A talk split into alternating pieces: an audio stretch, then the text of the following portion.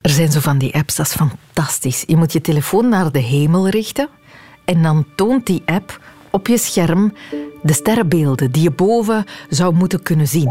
Als het donker is natuurlijk hè, en niet bewolkt. En dan kan je dus eerst op je scherm kijken en dan vergelijken met de sterren boven je en dan terug om zo al die sterrenbeelden te gaan ontdekken.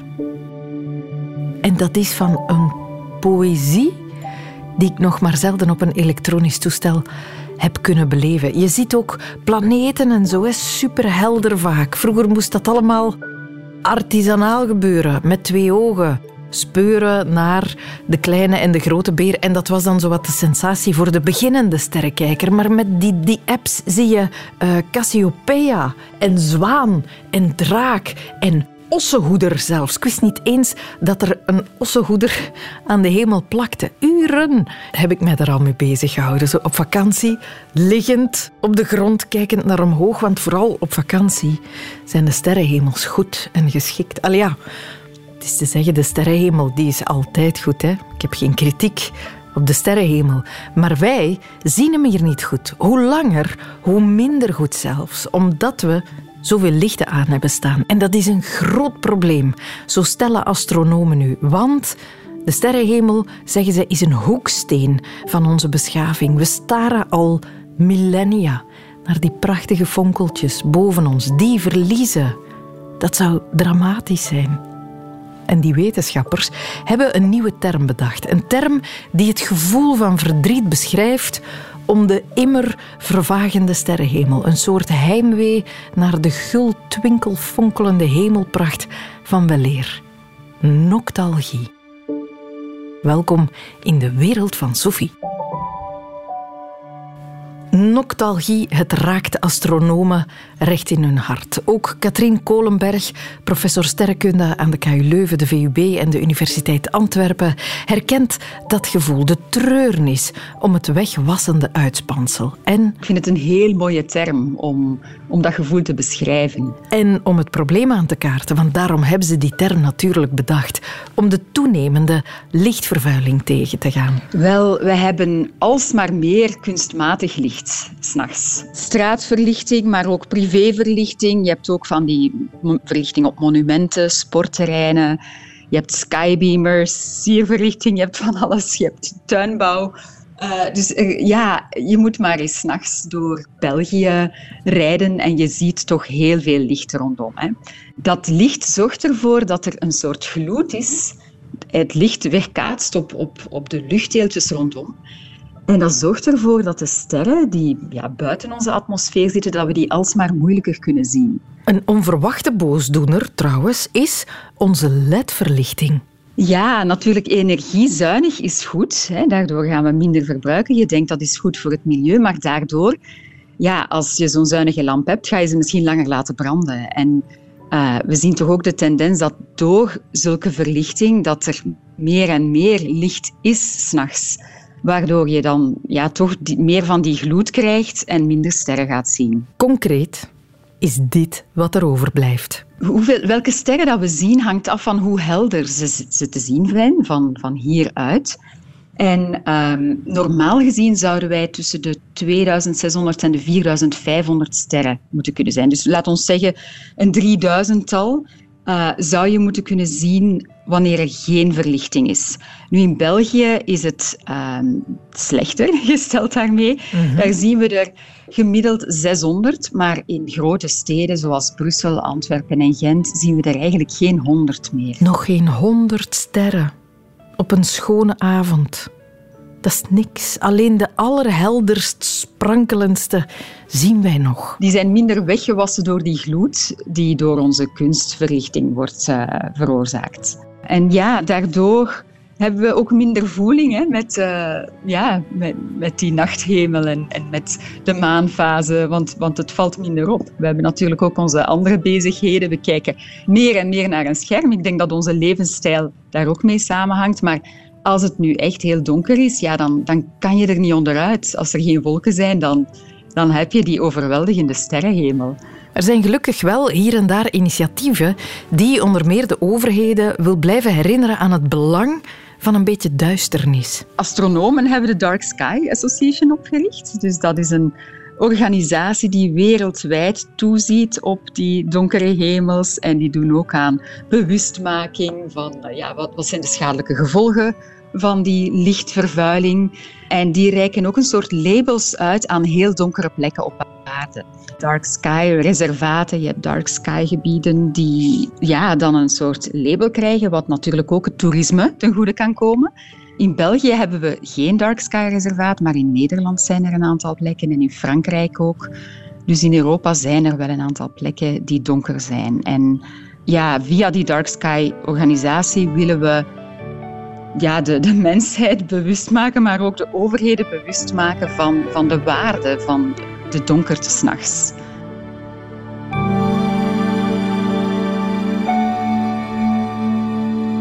We zijn ze gaan zoeken, de overweldigende sterrenhemel, om ze u te kunnen laten horen in deze podcast. Maar helaas, was dus wel bewolkt toen we naar Stijn Meuris trokken. Muzikant, regisseur, radiopresentator en amateur-astronoom. Gelukkig zijn sterrenhemels zo krachtig dat ze zelfs door de wolken heen tot een goed gesprek kunnen leiden.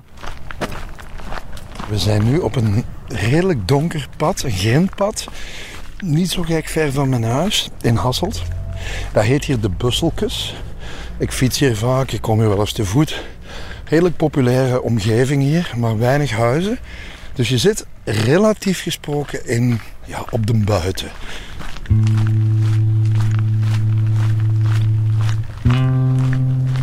Maar hier is nog normaal gezien relatief donker. Maar ik heb ondertussen geleerd dat relatief donker eigenlijk weinig wil zeggen. Het is nergens in België echt nog donker s'nachts. Het is ook nu redelijk laat. Het is 9 uur. Normaal zou het donker moeten zijn, maar ik zie wel echt het verschil tussen de weg, de bomen. Absoluut. En de lucht die nog redelijk grijs is. We zien elkaar volledig staan. De, de, de, de wolken, want het is, het is, grotendeels bewolkt. We hebben een beetje pech.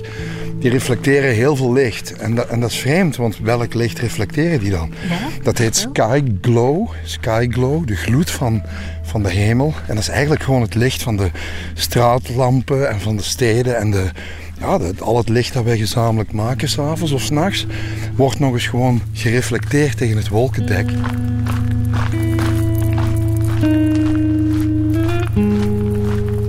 We weten dat het in principe donker moet zijn, want het is bijvoorbeeld 11 uur s'avonds. Maar we zien geen donkerte meer. We zijn zodanig, je zou bijna kunnen zeggen, verslaafd aan licht, dat we dat ook altijd nodig lijken te hebben. Ik denk zelfs dat de meeste mensen van ons misschien ik ook wel, heel erg bang worden mocht het echt donker zijn. En met donker bedoel ik dat je geen hand voor ogen ziet. En ik weet zelfs niet of er veel nachten op een jaar zijn waarop je echt geen hand voor ogen ziet. Bijna nooit, denk ik.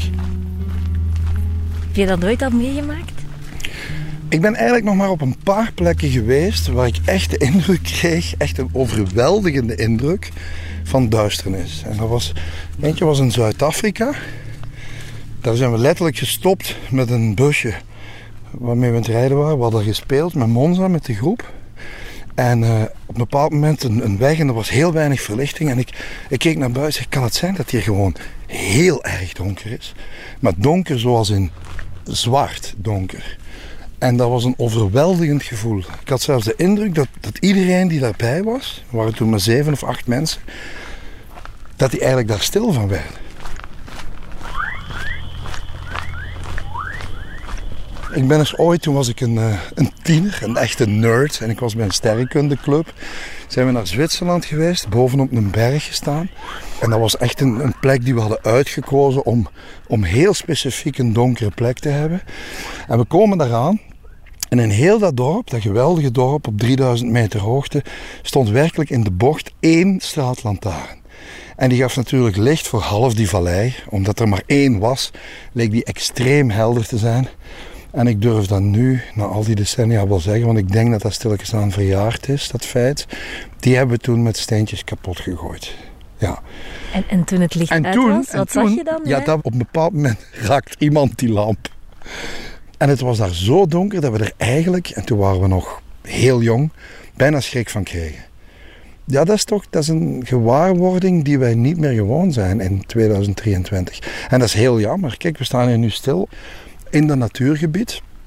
En je ziet eigenlijk bijna alles. Ik denk als we hier nog vijf minuten staan en onze ogen zijn gewend aan de min of meer duisternis, dan zien we alles. Dan zouden we hier perfect kunnen wandelen, zelfs door het bos.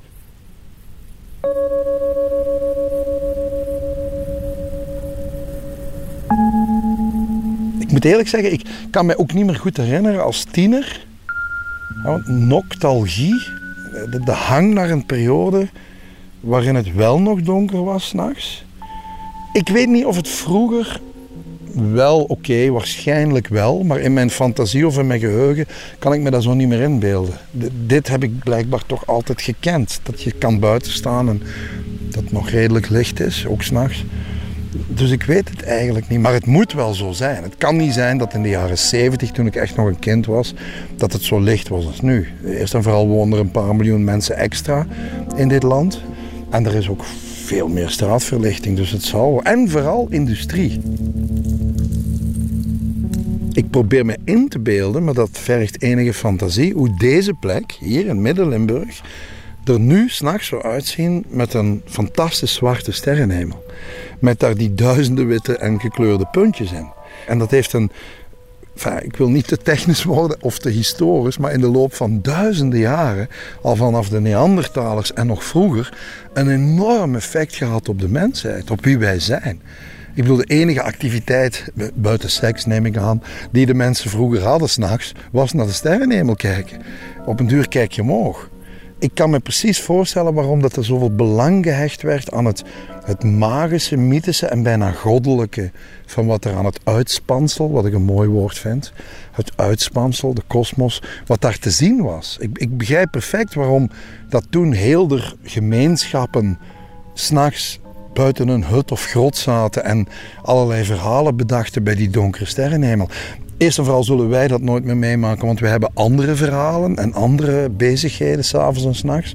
Maar vooral, er is ook geen hemel meer. Dus we worden ook niet meer gelokt naar die fantasie.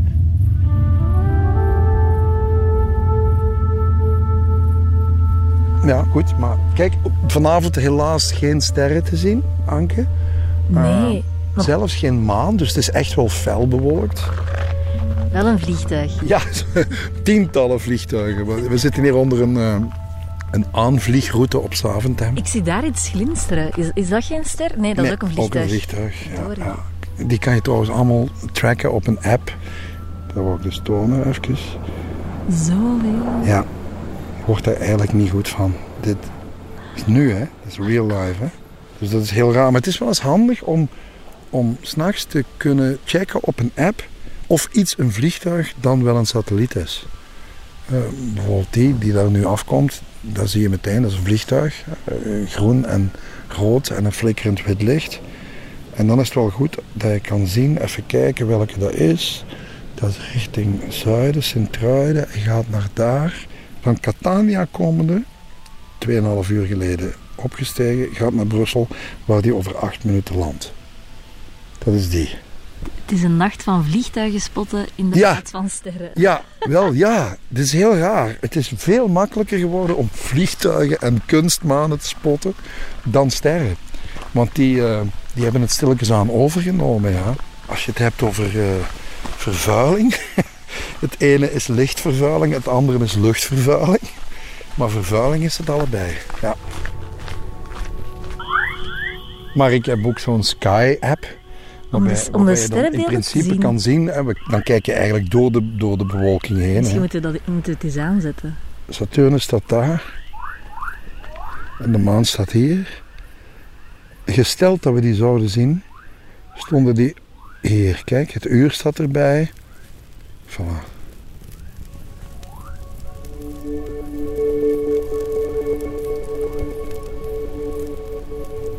Je hebt dat wel eens meegemaakt denk ik toch. Ik heb het toch al verschillende. Dat je met een aantal vrienden rond een, uh, een vuur zit buiten. En kom, we gaan een vuur stoken. En in het begin is dat leuk en dan wordt er wat bier gedronken. Dan wordt er wat in dat vuur gepookt en gestaard. En dan komt altijd onvermijdelijk dat moment dat de mensen omhoog beginnen te kijken. En dan ontspint er zich, sorry dat ik daar een beetje mee lach, maar zo is het meestal, een soort semi-filosofisch gesprek onder vrienden. En dat begint altijd bij de sterrenhemel. Daar is ook veel. We komen daar ook vandaan. Dat is wie wij zijn, de kosmos. Wij, wij, maken daar maar een minuscuul deeltje van uit. En, en, en dat zet alles meteen ook heel fel in perspectief. Zo van, als we dat niet meer zien, die zwarte donkere hemel met al die stipjes, dan beseffen we ook niet meer wie we zijn. Dan, dan weten we misschien collectief niet meer dat we daar vandaan komen. En dan onderschatten we het belang van onze omgeving. Dat, dat de connectie met de nachtelijke hemel helemaal weg is. En, en dat zou bijzonder jammer zijn, maar niet alleen jammer, zelfs gevaarlijk. Want wij zijn sterren. We zijn stardust, hè? sterrenstof. Vroeger vond ik dat altijd een beetje een melige, hippie-achtige bedenking. En dan zag ik al eh, mensen in hurk zitten met een vuurvogel in de bek. Uh, dat woord uitspreken, stardust. Maar ondertussen, en zeker met ouder worden, en ook al wat mensen verloren, besef ik heel goed dat dat klopt. Wij bestaan voor 100% uit deeltjes, atomaire deeltjes, die, die daar ooit ontstaan zijn. Kan je eens omschrijven wat dat jij voelt, waar dat jij aan denkt als je een ah, ja. sterrenhemel ziet? Ik ben meestal wel een onrustig ADHD-achtig manneke. Ik ben ook echt al heel mijn leven lang. Maar wanneer ik alleen ben en op een kraakheldere winternacht naar boven kan kijken en er zijn sterren te zien, dan realiseer ik me toch wel heel goed wat het allemaal maar is, wat het maar voorstelt, maar ook wat het is. De, de nietigheid van wie wij zijn en wat we hier allemaal proberen te doen, maar ook de, de grandeur van, van de rest. En daar realiseer ik mij vooral s'nachts. Nachtelijke yoga, dat bedenk ik gewoon nu ter plekke.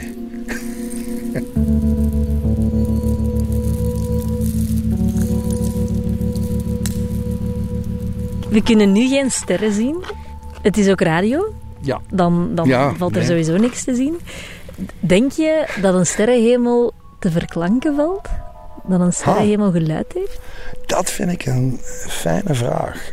Er zijn vele pogingen geweest. Uh, ook in de popmuziek. Ik vond dat, dat is van voor uw tijd, maar Pink Floyd kwam af en toe dicht in de buurt. Echt waar. Het is trouwens geen toeval dat nogal wat amateurastronomen zetten Pink Floyd op tijdens het waarnemen, zoals dat heet. Uh, en ik snap wel waarom. Hij heeft een bepaald soort elegantie en doet u wegdromen. Dus het valt wel degelijk te verklanken. Glass, de minimalistische componist. Steve Reich, heel vaak in, in dat segment. Maar op zich maken die geen geluid. De hemel maakt aan zich geen geluid. Ja, dat geeft mij dan toch maar Philip Glass bijvoorbeeld. Wel echt muziek, niet per se geluid. Nee, het is wel muziek, ja. Er zit een bepaalde melodie toch nog in. Ook onze taal is daarop voorzien, een sterretje dat fonkelt en flikkert. Dat zijn lichte toontjes. En wij denken dus dat sterren ping, ping, ping, ping, ping, ping, ping, ping doen. Kerstmis. Maar ik heb geen flauw idee of het zo is.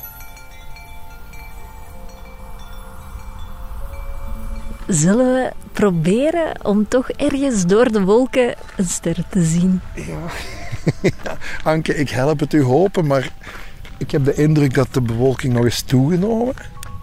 Er is nu niks te zien. Dat is echt jammer, want er staan op dit moment twee heldere planeten aan de hemel. Saturnus vlak bij de maan en Jupiter zo dadelijk, die, die zeer helder is. Ik heb ze gisteren nog gezien. In principe is het een mooie avond. Alleen, we hebben de pech dat er nu bijna 10 op 10 bewolking is. Maar wat wel duidelijk wordt nu, is die, ja, hoe licht het hier is. Nog even en we kunnen gewoon doen alsof het overdag is. Maar dit is een probleem, ja. Het raakt volgens mij heel fel, wat we dus zelden of nooit nog zien, raakt aan iets fundamenteel, denk ik, voor de mensheid. Namelijk de ultieme vraag: wie zijn wij? Waar komen we vandaan? Waar gaan we naartoe? Dat, dat zit allemaal vervat in, in dat nachtelijke uitspansel dat we, Anke, helaas vannacht dus niet kunnen zien. We zullen een andere keer moeten terugkomen. Ja, graag. Altijd welkom hier, hè? Absoluut. Breng je een eigen verrekijker mee. Hè?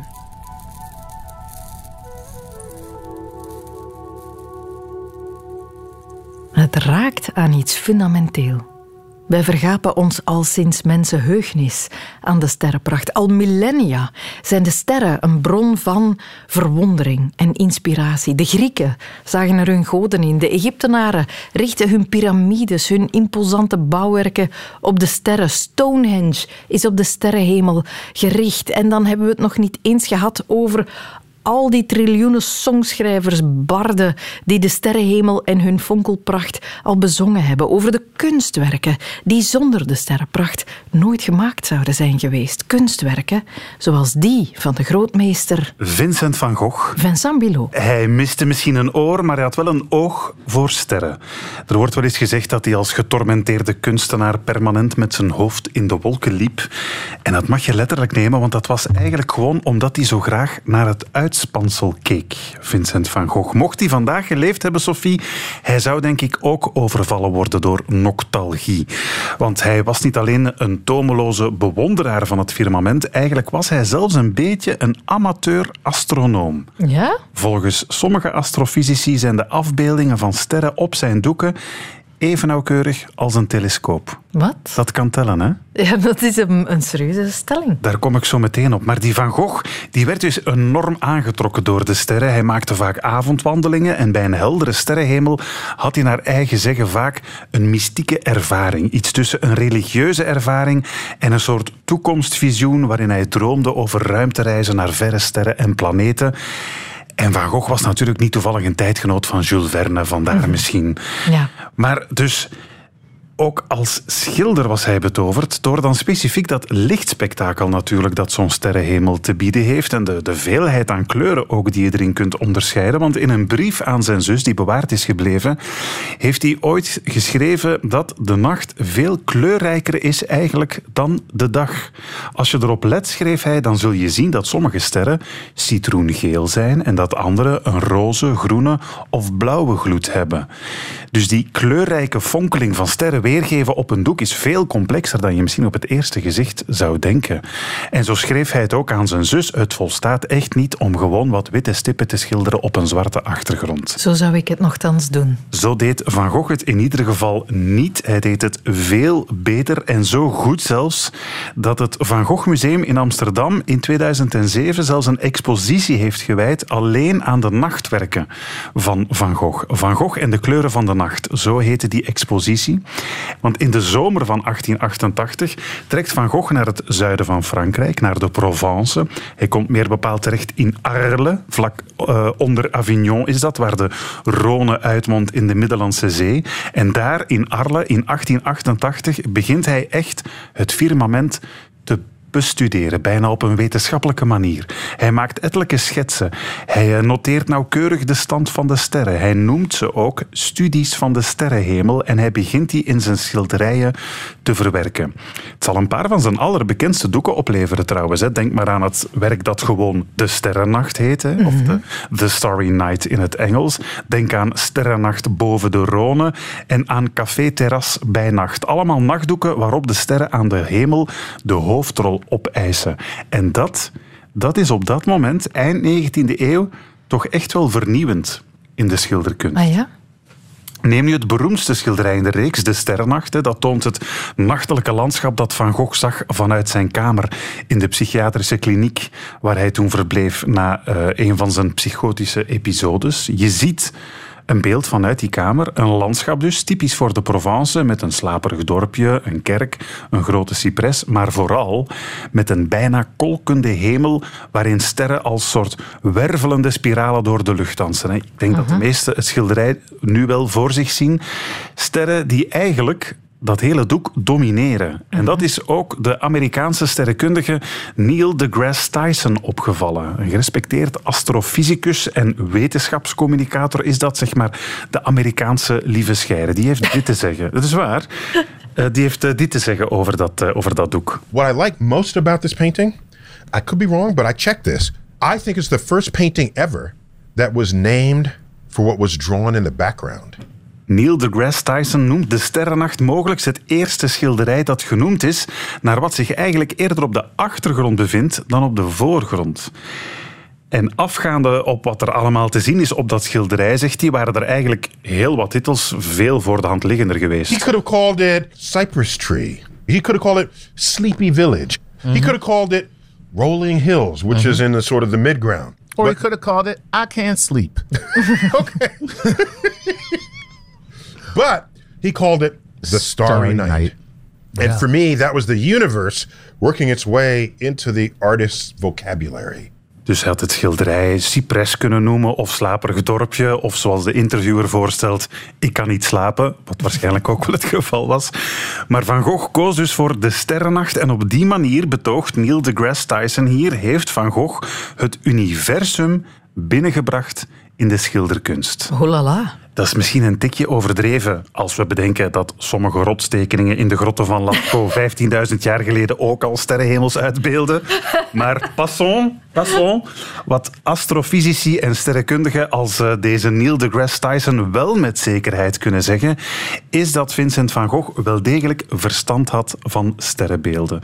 Want dat Van Gogh de hemellichamen in de sterrennacht schilderde als draaiende spiraalvormen bijvoorbeeld, dat bewijst dat hij op de hoogte moet zijn geweest van zogenaamde nebula, de rond hun as draaiende gas- en stofwolken die sterren produceren als ze geboren worden of net sterven. Processen die je eigenlijk alleen met een telescoop kunt waarnemen, maar waarvan Van Gogh ongetwijfeld schetsen moet gezien hebben in de astronomische boeken die hij verslond. Sterker nog, op de sterrenhemel kun je helemaal rechts op het doek niet alleen de maan herkennen. Links van de cipres op dat doek staat eh, niet zozeer een ster, maar wel de planeet Venus afgebeeld. En dat klopt ook helemaal met hoe het firmament eruit zag op het moment dat Van Gogh dat werk schilderde in 1889.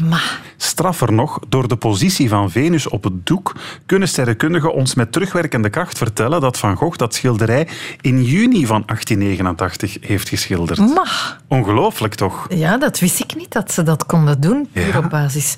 En dan op zijn schilderij van dat café-terras in Arles, schilderij dat denk ik ook de meeste mensen wel kennen, eh, nachtelijk beeld van een, eh, een café-terrasje met daarboven uiteraard ook weer een sterrenhemel. Wel, op eh, dat schilderij is de stand van de sterren zo nauwkeurig weergegeven dat astrofysici er het sterrenbeeld Aquarius in herkennen en dat ze met zekerheid kunnen zeggen dat het niet alleen in september is geschilderd, maar specifiek tussen 10 en 11 uur s'avonds. Wat? Ongelooflijk toch dat ze dat tot op het half uur nauwkeurig kunnen bepalen. Dat is Dus is geen natte vingerwerk, hè? Onvoorstelbaar. En pas op, astrofysici, dat zijn nauwkeurige mensen. Hè, Sophie, die, die hebben de dingen graag exact juist om je een idee te geven. Die Neil deGrasse Tyson, waar we het net over hadden, of die we net hoorden, die heeft ooit een kwaaie mail gestuurd naar regisseur James Cameron toen Titanic uitkwam. Want hij maakte zich kwaad over de scène waarin de Titanic onverbiddelijk naar de kabeljauwskelder zinkt. En hè, die scène waarin Kate Winslet ook die arme Leonardo DiCaprio van haar, van haar vlot afduwt. Ja. Wel, de stand van de sterren aan de hemel in die scène kwam in de verste verte niet overeen met hoe die er echt moet hebben uitgezien op die onfortuinlijke dag in 1912. Ik vind dat dus ook, hè. Wel, James Cameron die heeft meteen eh, de helft van zijn film digitaal laten bijwerken, zodat je dus in de dvd-versie toch wel het juiste sterrenbeeld ziet. Ma. Tijdens die scène, als, Maar alleen- als dat, dat, dat Titanic zingt.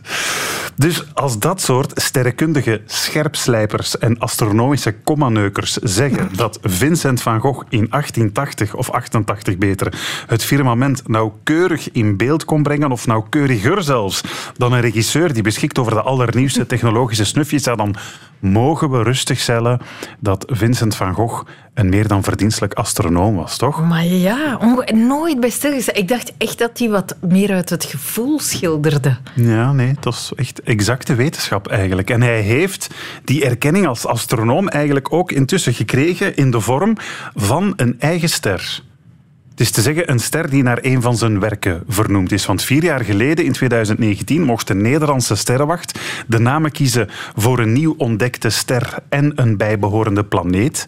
En de ster kreeg de naam de sterrennacht naar het werk van Van Gogh en de planeet kreeg de naam Nachtwacht naar het schilderij van die andere bekende Nederlandse uh, schilder Rembrandt van Rijn. Mooi toch, hè? Heel mooi. Sterrennacht en Nachtwacht, die hebben het uh, naar het schijnt, wat zeg ik, naar het schijnt, we weten dat zeker, want we kennen de lijstjes, die hebben het maar nipt gehaald van wel twee andere namen van Hollandse iconen die ook in de running waren om aan die sterren en die planeet te geven. Die ook iets te maken hadden met het... Uh... Minder. Het waren ook Nederlandse iconen, maar weet je hoe die sterren en die planeet bijna geheten hadden in plaats van Sterrennacht en Nachtwacht? Nee. Nijntje en Moeder Pluis. Echt? Echt waar. Gelukkig werd het dus Sterrennacht en Nachtwacht. Enfin. En er is eigenlijk, behalve die eigen ster die eh, Vincent van Gogh gekregen heeft, maar één ode die misschien nog mooier is.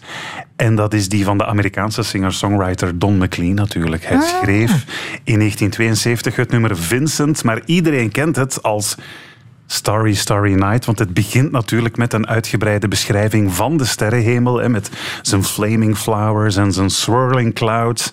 En het gaat natuurlijk ook, dat nummer, over die getormenteerde schilder slash astronoom en sterrenkijker die pas na zijn dood zelf zou uitgroeien tot een fonkelende ster aan het schildersfirmament. Starry, starry night Paint your palette blue and gray Look out on a summer's day with eyes that know the darkness in my soul. Shadows on the hills. Sketch the trees and the daffodils. Catch the breeze and the winter chills in colors on the snowy linen land. Oh, wat een nummer, wat een kunstwerken. Is niet echt overdreven als mensen zeggen dat we een hoeksteen van onze beschaving verliezen met de vervagende sterrenhemel. En wij dus meer dan anderen op aarde. België, kwam al ter sprake, is één grote lampadair vanuit de ruimte gezien. Wat ontnemen wij onszelf niet door zo fanatiek overal de lichten aan te steken? Dat is ook een doorn in het oog van Stijn van der Heijden, amateur-astronoom bij de Vlaamse Vereniging voor Sterrenkunde. Hij leidt daar de werkgroep Lichthinder. Er zijn heel wat beelden um, van, van uh, België of van Europa vanuit de ruimte. En dan kan je eigenlijk heel duidelijk um, de, ja, de verschillende regio's zien. Als we eerst naar Europa kijken, dan zie je kunnen we eigenlijk ja, daar de hoofdsteden vlot op vinden, de grote steden van Europa. Terwijl andere gebieden, bijvoorbeeld in Frankrijk, is, is, is veel donkerder en valt alleen Parijs op. Parijs zie je als een eilandje, als een licht eiland uh, liggen, terwijl heel Vlaanderen is eigenlijk een en al een, groot, uh, ja, een grote vlek ligt. We zouden heel graag de, de lichtjes in de lucht veel, veel duidelijker kunnen zien, de sterren en wat er tussen de sterren zit. Maar heel vaak worden die overstraald door het licht hier op aarde. En uh, ja, moeten we ons eigenlijk in plaats van gaan vertellen over de pracht van de hemel, gaan vertellen over waarom we het met minder licht zouden moeten doen. Het is een beetje zoals dat je een foto wil nemen tegen zon of tegen licht. Dan zie je ook niet meer de details van de mensen die je wil zien, maar ja, is alles een beetje geblurred. Dat hebben wij ook als wij naar de sterren willen kijken. Als er, eh, als er te veel licht in die telescoop valt van op de zijkant, uh, dan, ja, dan, dan verliezen we eigenlijk de kracht van de telescoop en de kracht om details te zien in de, in de ruimte. Je woont zelf een beetje landelijker. Is dat toeval? Ja, nee, nee, nee. Dat, toen ik uh, met mijn vrouw zocht naar een plek waar we ons wilden uh, settelen, um, was het toch een voorwaarde van mij om net iets, net iets buiten een kern te gaan wonen, om die sterren te kunnen blijven zien. En het idee dat ik ja, mijn telescoop af en toe zou kunnen gebruiken, dat ik toch van thuis uit zou kunnen waarnemen. Um, dus nee, het is geen toeval, het is echt wel een, een keuze geweest. Um, ja, of de Vlaamse Ardennen, die, die komen er dan nog uit als donkere gebieden, maar de rest van Vlaanderen is eigenlijk ja, een, een dambordpatroon van, uh, van lijntjes, van straten die verlicht zijn en die we vanuit de ruimte kunnen zien. Moest Dirk Vermout of, of uh, Frank de Winner in de ruimte zijn, ze kunnen perfect de weg naar huis terugvinden aan de hand van... Uh, als ze boven Vlaanderen zitten, weten ze direct van ja, daar staat mijn huis, want ik kan van, de een, van het ene dorpje naar de andere stad mijn weg vinden.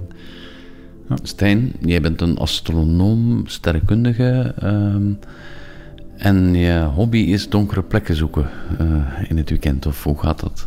Wel, um, ja, het is een, het is een beetje een... Ja, een beetje van moeten een hobby geworden. De hobby was inderdaad en kijken, maar omdat het soms zo moeilijk is om nog donkere plekken te vinden. Zeeuws-Vlaanderen, dit stukje van Nederland, is zeer uh, weinig bebouwd en heeft ook zeer weinig verlichting. De enige plekjes die opvallen zijn de haven van Terneuzen en de chemiecluster daar. Maar voor de rest is het een zeer donker gebied. Ook voor ons als amateur-sterrenkundigen is het een, een van de plekken waar we naartoe zouden rijden op een heldere nacht om te gaan waarnemen, om de sterren te gaan zien. Dus um, dat is een van de plekken. Hetzelfde, de Westhoek, dus in het uiterste westen van, uh, van Vlaanderen. Ook in de Ardennen hebben we onze plekjes waar we dan uh, naartoe rijden om bij een goede nacht uh, toch veel sterren te kunnen zien en veel te kunnen waarnemen. Want als, als astronoom, als sterrenkundige, kijken we vooral naar, naar de zuidelijke richting, want daar zien we het meest van de hemel of daar passeren de meest interessante objecten. Um, dus we proberen altijd, als we nog ergens in de buurt van een stad zitten, die aan, achter ons in het noorden te houden. Dus vandaar dat het wel interessant is, de Vlaamse Ardennen of Haspelhouw. Dan heb je het verlichte Vlaanderen achter je en kijk je eigenlijk ja, richting Wallonië, richting het zuiden. En de meeste, plekken, of de, meeste plekken dan richting ja, de duisternis. En kan je zo wel beter waarnemen. We zijn eigenlijk allemaal opgegroeid met uh, het idee en het gemak om overal licht te hebben. Terwijl dat dan misschien ja, iets is wat dan misschien 100, 150 jaar oud is. Voordien hadden we kaarsen of olielampjes of een toorts. Maar nu is alles verlicht, dus we zijn zo gewoon dan overal licht te hebben. We, ehm, ja, we, zijn, we hebben het duister eigenlijk weggeduwd, in een hoekje gezet, hè, buiten Vlaanderen, niet meer bij ons.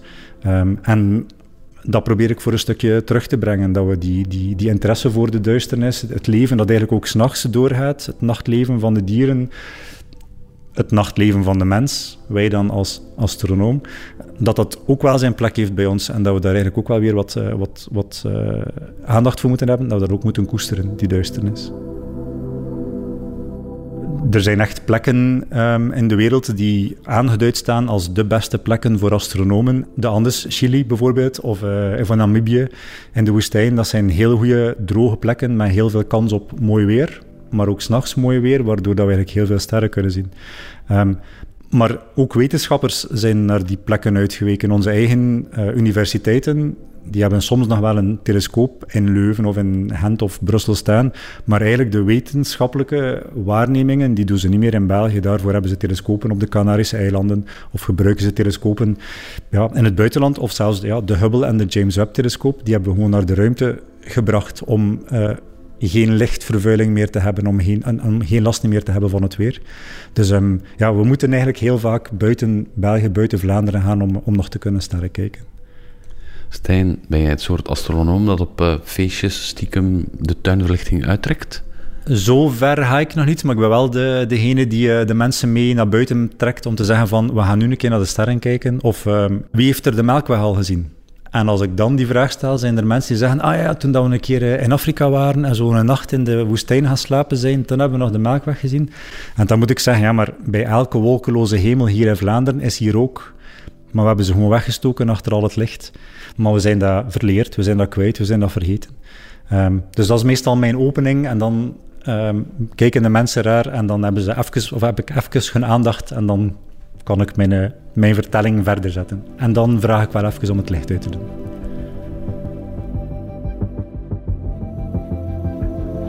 We maken van onze aarde eigenlijk ook een soort ster door ze te verlichten? Eigenlijk wel, ja. Ja, wij zijn eigenlijk onze energie aan het verkwesten door licht naar de ruimte te sturen. Uh, energie die we waarschijnlijk voor veel nuttigere zaken kunnen gebruiken. Het is misschien storend voor ons als sterrenkundigen, maar het is vooral niet nodig, want het is eigenlijk verspilling. Het is licht die we niet nodig hebben om de hemel uh, te verlichten. Uh, de vogels hebben ze niet nodig om hun onderkant van hun veren te zien. De bomen hebben het niet nodig om de onderkant van hun blaadjes te verlichten. De wolken moeten niet verlicht worden, dus dat is allemaal licht dat uh, verloren is, dat onnuttig is. We proberen hier gewoon zelf de ster uit te hangen, terwijl de allermooiste al bestaan. Met een totaal onnodige aanstellerij. En schadelijk is het ook, dat is het laatste dat ik wil aanhalen. Om de goal helemaal binnen te shotten, kort, al dat leegt is schadelijk voor de dieren. Daar sprak ik over met René Meeuwis, beleidsmedewerker bij het agentschap Natuur en Bos. Wel, voor een aantal soorten, men haalt dan meestal vleermuizen als eerste aan, werkt licht gewoon als een, als een rem, een barrière. Uh, er zijn studies die aangeven dat bepaalde vleermuizen wachten totdat de straatlichten uitgaan voordat ze de straat oversteken. We zien ook anderzijds dat bepaalde dieren juist aangetrokken worden door licht. Denk aan een aantal motten. Motten komen op het licht af. Dat is een klassiek beeld. Maar die dieren blijven daar dus ook de hele nacht rond vliegen. Vliegen zich eigenlijk bijna letterlijk dood. Mhm. Of worden veel gemakkelijker eigenlijk door predatoren gezien en worden dus ook veel gemakkelijker uit de lucht geplukt.